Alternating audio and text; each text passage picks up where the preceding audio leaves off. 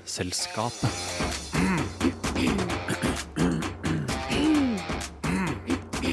Vitenselskapet. Vi lever i en tid der samfunnet er i svært rask utvikling. Men hva er det vi egentlig har i vente? Hvordan vil jorda se ut? Hva er neste store mottrend? Og hva har fargen på Mars å si for hvordan man kan bygge opp en atmosfære? I dag tar vi i Vitenselskapet for oss framtiden.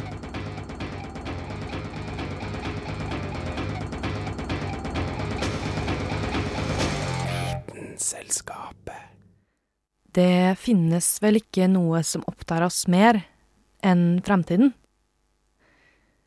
Ja da, man skal jo leve i nuet, nyte hver dag og så videre.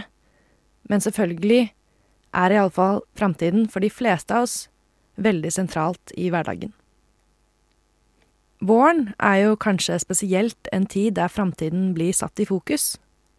Kanskje planlegger du sommerferien? Kanskje bekymrer du deg for penger, jobb eller hva du skal gjøre til høsten.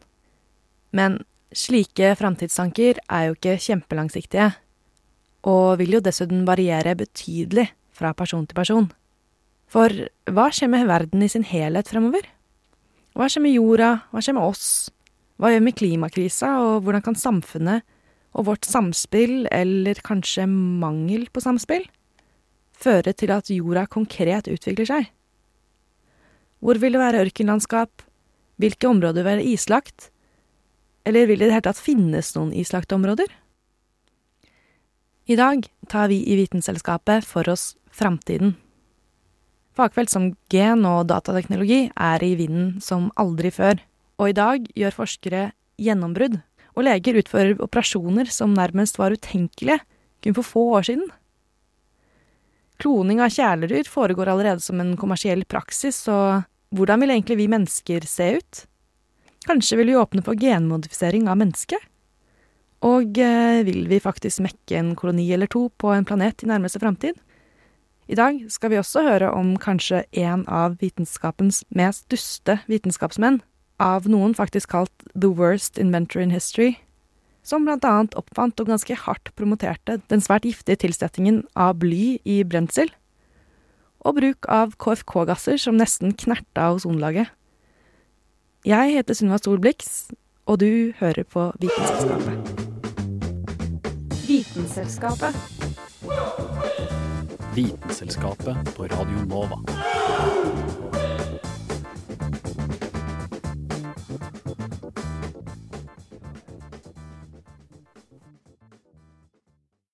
Mennesker kan jo sies å være en ganske vellykket art.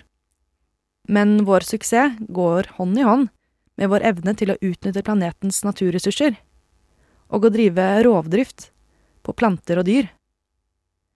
Nå er vi inne i det som mest sannsynlig er den sjette store masseutryddelsen på planeten, og det er mest sannsynlig vi mennesker som har skylda. Så hvor er vi på vei, og hva kan vi egentlig gjøre? Vi Homo sapiens har gjort det svært bra for oss selv de siste ca. 200 000 til 100 000 år vi har vært på denne kloden. Etter utvandringen fra Afrika vandret vi videre, ever onwards, og endte opp med å vandre til hvert hjørne av kloden. Selv til Amerika, kontinentet på den andre siden av Atlanterhavet, klarte vi å vandre til, da Beringstredet var islagt og fotvennlig under siste istid. Etter å ha kommet oss gjennom vanskeligheter og motgang, f.eks. da vi kun var rundt 10 000 individer, den såkalte bottleneck-populasjonen, har vi siden den gang økt kraftig i antall, fra noen millioner til dagens 7,5 milliarder. Som enhver ungdomsskoleelev kan fortelle deg, tok vår art et kraftig byks under den industrielle revolusjonen, da vi begynte å slenge på milliardene. Dette var assosiert med økt utnyttelse av ressurser og utviklingen av teknologi. I dag er det ikke bare mange av oss, men vi lever også lenger, noe som øker problemet med overbefolkning. Rent artsmessig kan vi derfor sies å være en svært vellykket art, ettersom vi både har klart å spre oss til hvert hjørne av kloden, og i størrelse og antall. Dette er kun den positive siden av historien, den rent kvantitative, da jordens ressurser ikke er tilstrekkelige for å opprettholde denne voldsomme veksten over tid. Men hvor er vi mennesker på vei? For å spå om fremtiden må vi forstå fortiden, og der Homo sapiens, eller noen annen art for denne slags skyld, hadde liten innvirkning på livet på jorden som helhet, er det nå endret seg. Derfor denne innledningen om vår historie. Forskere hevder nå nemlig at vi er inne i antropocen, den geologiske tidsalderen der vi har kommet til det punktet at én art, Homo sapiens, har nådd et nivå av innflytelse der vår vedvarende eksistens går på kant med selve livsprinsippene for biosfæren. Antropocen er sammensatt av ordene antropos, gresk for menneske, og sen, gresk fra kainos, ny eller nylig. Den siste geologiske perioden på kloden har med andre ord fått sitt navn fra oss. Dette er knyttet til den sjette store masseutryddelsen som angivelig finner sted nå, og dette er i sin tur knyttet til menneskelig aktivitet. Derfor det foreslåtte navn. Det har seg slik at arter nå dør ut med en rate som kun assosieres med store masseutryddelser. Sist jorden så en slik rate av tap av artsmangfold, var ved slutten av krittiden, da dinosaurene og mange andre arter døde ut. Man antar at dinosaurene døde ut grunnet de voldsomme konsekvensene av at en massiv asteroide kolliderte med jorda. Og en slik enkelthendelse er det ikke snakk om med antroposen, men det det er snakk om, er at vår pågående aktivitet, ressursbruk og ressursutnyttelse har ført til en eskalerende, galopperende tendens, der nøkkelord er endringen av kjemiske sammensetningen i atmosfæren, endret pH-balanse i havene og destruering av naturlig habitat. Menneskets økologi kan bli sett på som en slags global superpredator, fordi vi driver rovdrift med andre top predators, men også fordi vår utnyttelse av ressursene får ringvirker nedover i økosystemet. Vi er inne i en tid da aktiviteten til én art kommer til å avgjøre fremtiden til det meste av livet på planeten. Men hva slags fremtid kommer det til å bli? Når det kommer til befolkningsantallet, så er det projisert å skulle stabilisere seg på rundt 11 milliarder mennesker ved århundreskiftet, fra det 21. til det 22. århundre. Dette fordi kvinner da kommer til å få to barn i gjennomsnitt, og fertiliteten vil generelt gå ned. Men 11 milliarder er fortsatt fryktelig mange, og det tok oss 200 000 år å nå vår første milliard, men kun 100 år å komme opp til 7 milliarder. Noen spekulative, men interessante teorier på hva som kommer til å skje med den menneskelige art, er knyttet til sivilisasjonstyper. Ifølge den teoretiske fysikeren Michio Kaku kommer de neste 100 årene med vitenskap avgjøre om vi florerer, eller om vi går under. Det er postulert at når sivilisasjoner øker i vekst, så vil deres behov for ressurser også øke, sammen med befolkningsveksten. Spesielt vil nyvinninger i maskinteknologi øke energibehovet ytterligere. Inn kommer Kardashev-skalaen, Kardashev-skalaen ble utviklet for å måle en sivilisasjons teknologiske nivå basert på hvor mye energi den har tilgjengelig. Det var den russiske astrofysikeren Nikolai Kardashev som, som oppfant skalaen i 1964, da han så etter utenomjordisk liv ved å lete i kosmiske signaler. Det er tre klasser, type 1, 2 og 3. Og man skulle tro at vi er type 1, kanskje 2, med all den energien vi utnytter og har tilgjengelig, men den gang ei. Vi er ikke engang på skalaen. Vi er type 0. Dette er fordi vi bruker energi som stammer fra døde planter og dyr, og denne typen energi er, som vi er smertelig klar over, ikke fornybar. Det betyr at vi i prinsippet ikke har full kontroll over den. Type 1-sivilisasjoner er i stand til å høste energien, tenk avansert solinnhøstere à la solcellepaneler, fra sin nærmeste stjerne. De er i stand til å kontrollere klima og geologi på sin planet fritt og effektivt. Det betyr at man f.eks. For kan forhindre vulkaner fra å bryte ut. Vi er langt unna dette stadiet. Type 2-sivilisasjoner er i stand til å høste absolutt all energi fra sin nærmeste stjerne, og type 3 kan høste fra store deler av universet. Så vi har først kontroll over planeten, dernest kontroll av vår nærmeste stjerne, dernest over hele universet som sådan. Type 3-sivilisasjoner er uhyre avanserte, allvitende og omnipotente. I hvert fall i teorien. Og en slik avansert sivilisasjon vil i praksis ikke være i stand til å bli utryddet. Ifølge Kaku kommer de neste 100 årene til å avgjøre. Før vi kan nå type 1-sivilisasjonsstatus, må vi mestre vår egen klode. Og det er nettopp det vi foreløpig ikke gjør. Vinn eller forsvinn. Fossilt brensel er simpelthen kompakte biter av organisk materiale som vi henter opp fra sin beskyttende kapsel, jorden. Sluppet løs i atmosfæren på en langt høyere rate enn det som naturlig hadde skjedd, har dette ført til den kjente, men ikke kjære, ubalansen i dagens klima. Fossilt brensel fikk opprinnelig sin energi fra solen, og ideen bak sivilisasjon type 1 er nettopp at vi kan gå til solen direkte for energi. Hva vil skje? Kun fremtiden har svarene. Everything on Earth is linked, and the Earth is linked to the Sun, its original energy source. Can humans not imitate plants and capture its energy? In one hour, the Sun gives the Earth the same amount of energy as that consumed by all humanity in one year. As long as the Earth exists, the Sun's energy will be inexhaustible. All we have to do is stop drilling the earth and start looking to the sky. All we have to do is learn to cultivate the sun. Å vite vet Vitenselskapet.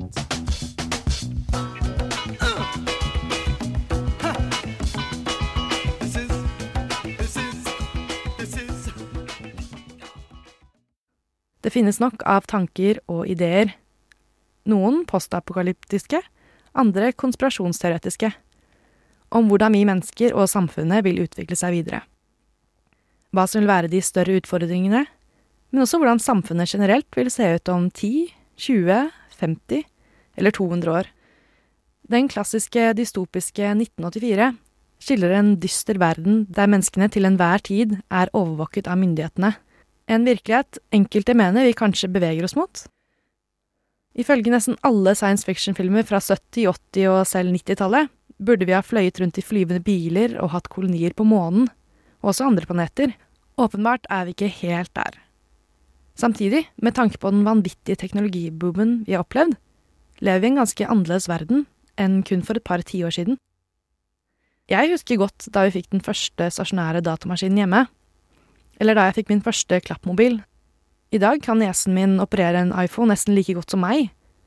Og det er jo heller ikke veldig lenge til den første delegasjonen med mennesker, i hvert fall i teorien, skal opprette den første kolonien på Mars. Nå som vi mennesker har runda månen, er det kanskje på tide med nye utfordringer. Og mange mener at en kolonisering av Mars kan være det nye, store målet for romutforskning. Kristin Grydland kan fortelle deg at det å gjøre den røde planeten levelig byr på en god del utfordringer, selv om det ikke akkurat mangler ideer på hvordan man kan omforme planeten i menneskenes bilde.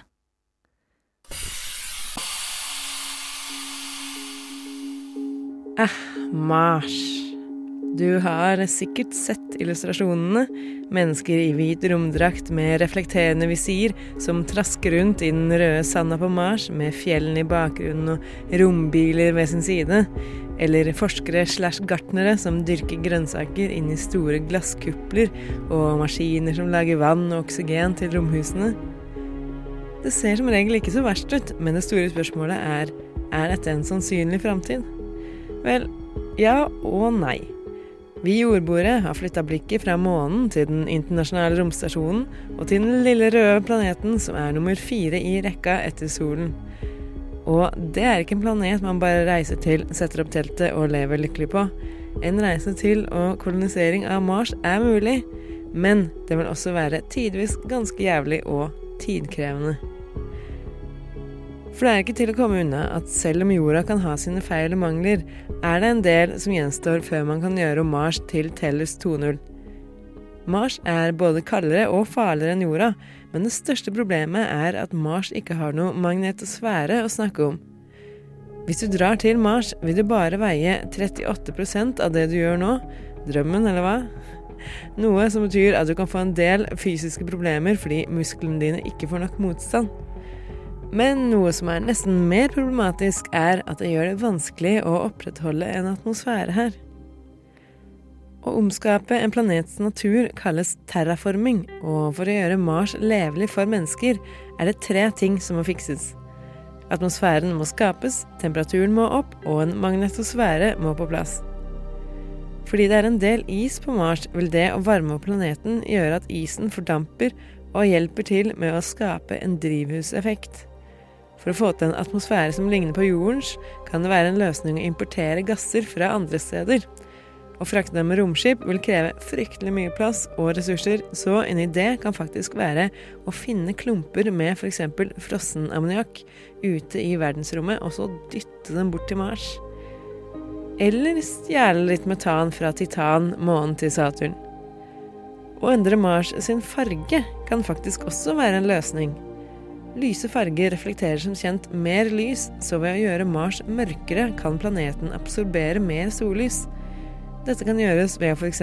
strø ut mørkt støv fra Mars sine måner, eller ved å dyrke mikrobiale ting som lav, alger og bakterier med en mørk farge. Ved å bli mørkere kan Mars dermed bli varmere, som igjen kan smelte isen, skape hav og atmosfære etc., etc. Men la oss nå si at man klarer å bygge opp en atmosfære som kan bli starten på et slags liv på Mars. Hvordan skal man beskytte denne atmosfæren? Mangelen på en god tyngdekraft, som på jorden, gjør at planeten har vanskeligere for å beholde gassbobla som danner seg. For at ikke atmosfæren rett og slett skal blåses bort av solvinder, er det blitt foreslått å lage et magnetisk skjold for å beskytte Mars. Dette skjoldet vil enkelt forklart være en gigantisk og supersterk magnet som plasseres i rommet utenfor Mars og henger der som et stort skjold for å beskytte planeten fra sola. Denne magneten må naturlig nok være temmelig sterk, opptil 20 000 gauss, og til sammenligning er en vanlig kjøleskapsmagnet på ca. 50 gauss. Alt dette er selvfølgelig bare teorier på papiret ennå, men en reise dit kommer sannsynligvis til å skje i løpet av noen år. Å skape en ny planet med trær og blomster og elver og atmosfærer er imidlertid noe som nok ligger en god stund fram i tid. Særlig med tanke på at vi allerede sliter med å opprettholde det vi har her. Three, two, one. Ignition.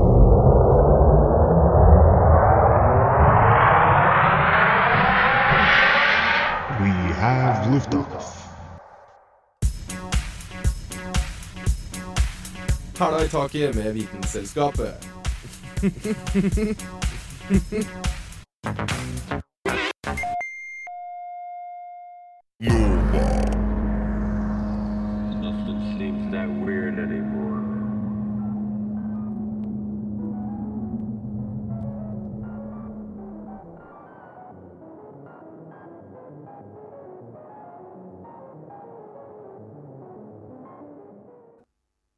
Å spå fremtiden er en usikker vitenskap.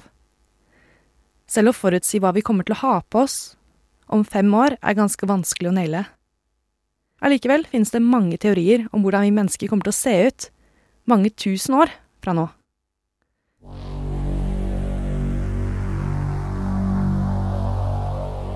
Om syv og et halvt milliarder år vil sola bli til en rød kjempe og sluke planeten vår slik vi kjenner den.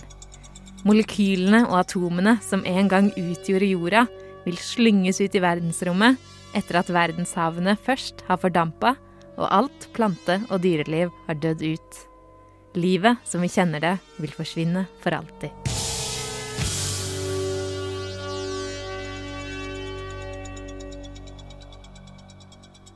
Vi trenger imidlertid ikke vente til at den døende sola øker temperaturen på kloden til ulevelige nivåer for at menneskene som vi kjenner dem i dag, vil forsvinne.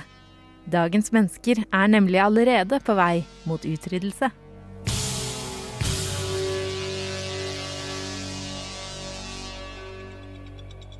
Siden Homo sapiens sapiens, det moderne mennesket, utvikla seg i Afrika for et par hundre år sia, har vi gjennomgått flere evolusjonære forandringer. Selv om vi mennesker anatomisk sett er like våre forfedre, har vi i løpet av tida som er gått siden utvandringen fra Afrika, bl.a. utvikla laktosetoleranse, og vi er blitt ca. 10 cm høyere enn vi var for bare 150 år sia. Omgivelsene våre og menneskets hverdag og teknologi forandrer seg kontinuerlig. Og det er med andre ord ingen grunn til å tro at menneskegenerasjonen som en gang skal dø ut sammen med jordkloden, vil se helt lik ut som det vi gjør nå. Så hvordan vil ditt tipp-tipp-tipp-tipp-tipp-tipp-tipp-tipp-tipp-tipp-tipp-tipp-tipp-tipp-tipp-tipp-tipp-tipp-barnebarn se ut? Fremtidsmenneskenes utseende avhenger antageligvis av hvordan klima vil se ut i framtida. Fører f.eks. den globale oppvarminga til at havnivåene stiger så mye at menneskearten søker tilflukt under vann, vil menneskene etter hvert kunne utvikle lengre tær og fingre med svømmeut mellom, fordi det er en fordel å svømme bedre. Og vi vil kunne utvikle et tredje øyelokk, som skal gi ekstra beskyttelse til øyet under vann.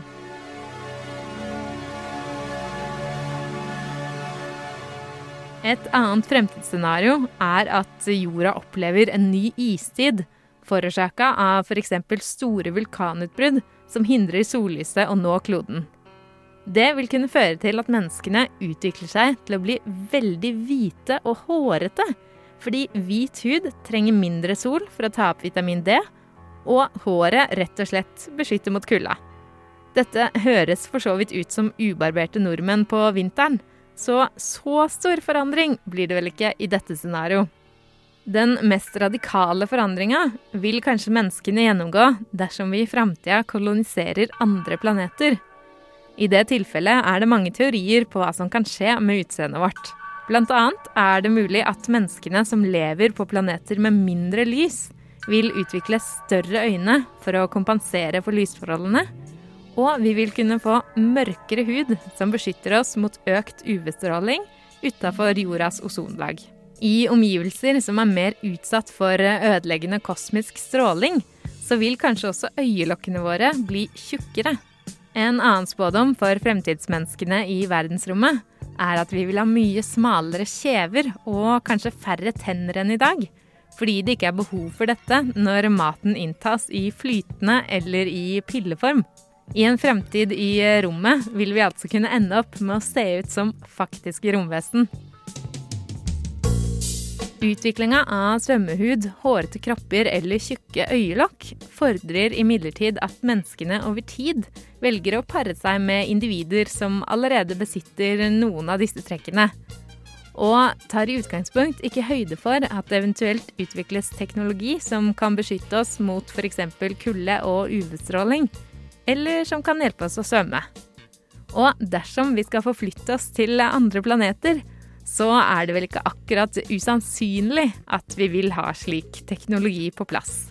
Fremtidsforskere spår imidlertid at i framtida vil bli ukult med synlige hjelpemidler eller tekniske implantater, og at det heller blir inn med små nanoroboter injisert i kroppen som usynlig jobber med å bekjempe alt fra influensa til kreft. I framtida så er det heller ikke umulig at menneskene vil utnytte genmanipulering for å skreddersy avkommets gener til de egenskapene foreldrene ønsker. Så hvordan menneskene ser ut i eh, framtida, vil kanskje i mindre grad styres av eh, miljø eller teknologi, men først og fremst styres av hva som blir skjønnhetsidealet i år 42 000.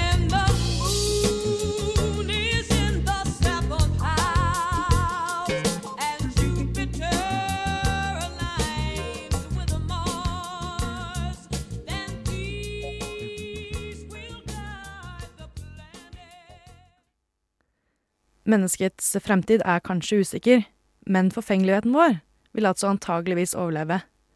Uansett om vi lever under vann, på andre planeter eller i istid.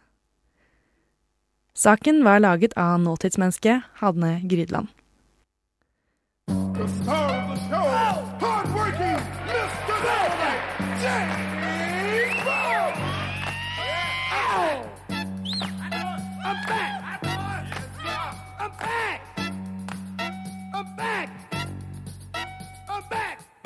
Hi, everybody. This is James Brown, the Godfather Soul on Radio Nova.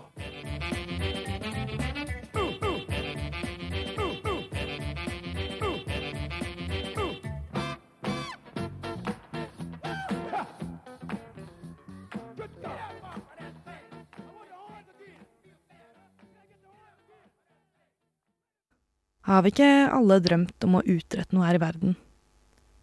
Vårt navn sagt med ærverdighet, og kanskje til og med en ligning, eller en dyreart oppkalt etter oss selv? Thomas Midgley var en av dem som satte spor på verden, men kanskje på en noe uheldig måte. I'm on a fantastic journey to look for the origins of life.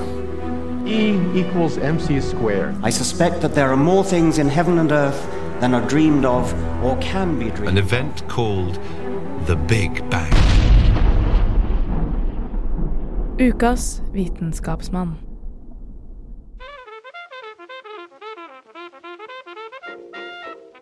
Alt har uforutsette konsekvenser. Men for Thomas Midgley jr. var konsekvensene av bedriftene hans mye større enn noen kunne forvente. Født i Beaver Falls til en oppfinnerfar, var det kanskje her Midgley fant sitt kall i livet. Oppfinner var det han skulle bli. Med ingeniørutdanning fra prestisjefylte Cornell University var det bare for Thomas å komme seg opp og fram i verden.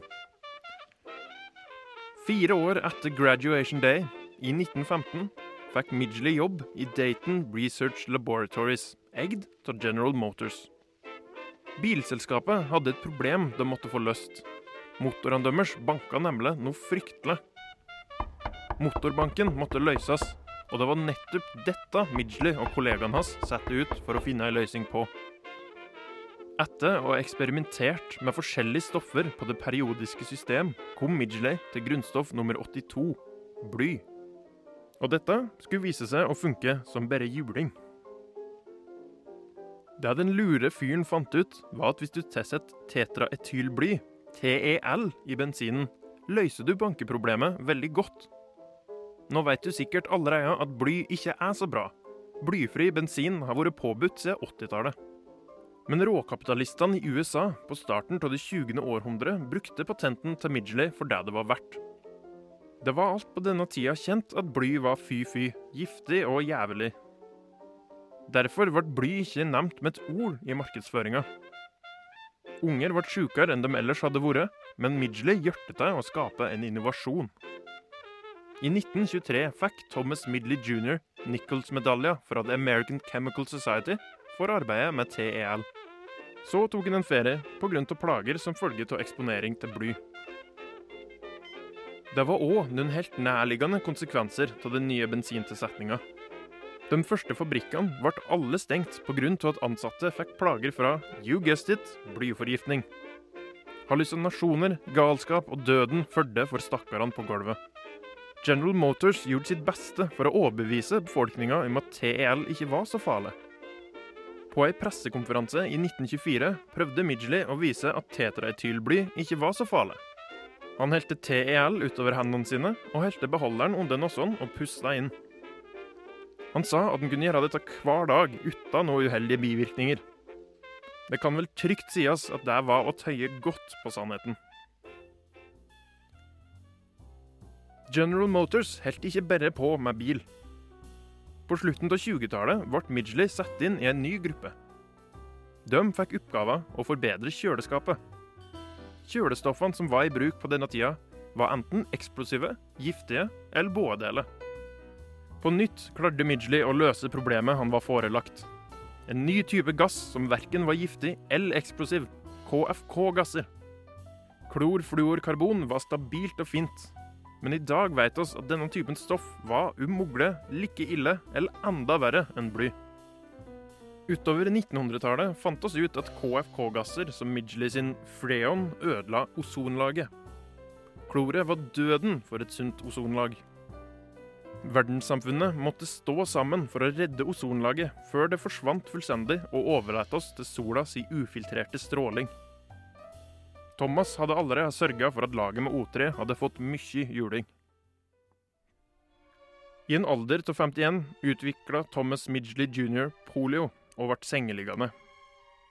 Oppfinnsomheten var fortsatt til stede. En siste idé kom til han. Ved hjelp av et system med kabler og taljer kunne han mye lettere løftes opp fra sin egen seng. En kosmisk ironi inntraff så. Mannen som fant opp to så destruktive og miljøfiendtlige oppfinnelser, endte sine dager hver av trådene i sin siste oppfinnelse.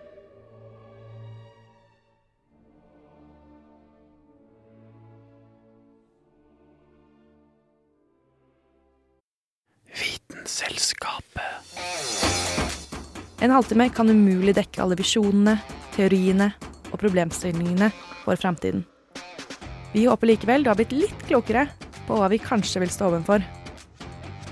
Denne sendingen var laget av Hanne Grydland, Kristin Grydland, Carl Adams Kvam, Dag August Schmeding Dramer og meg, Sunniva Solblix.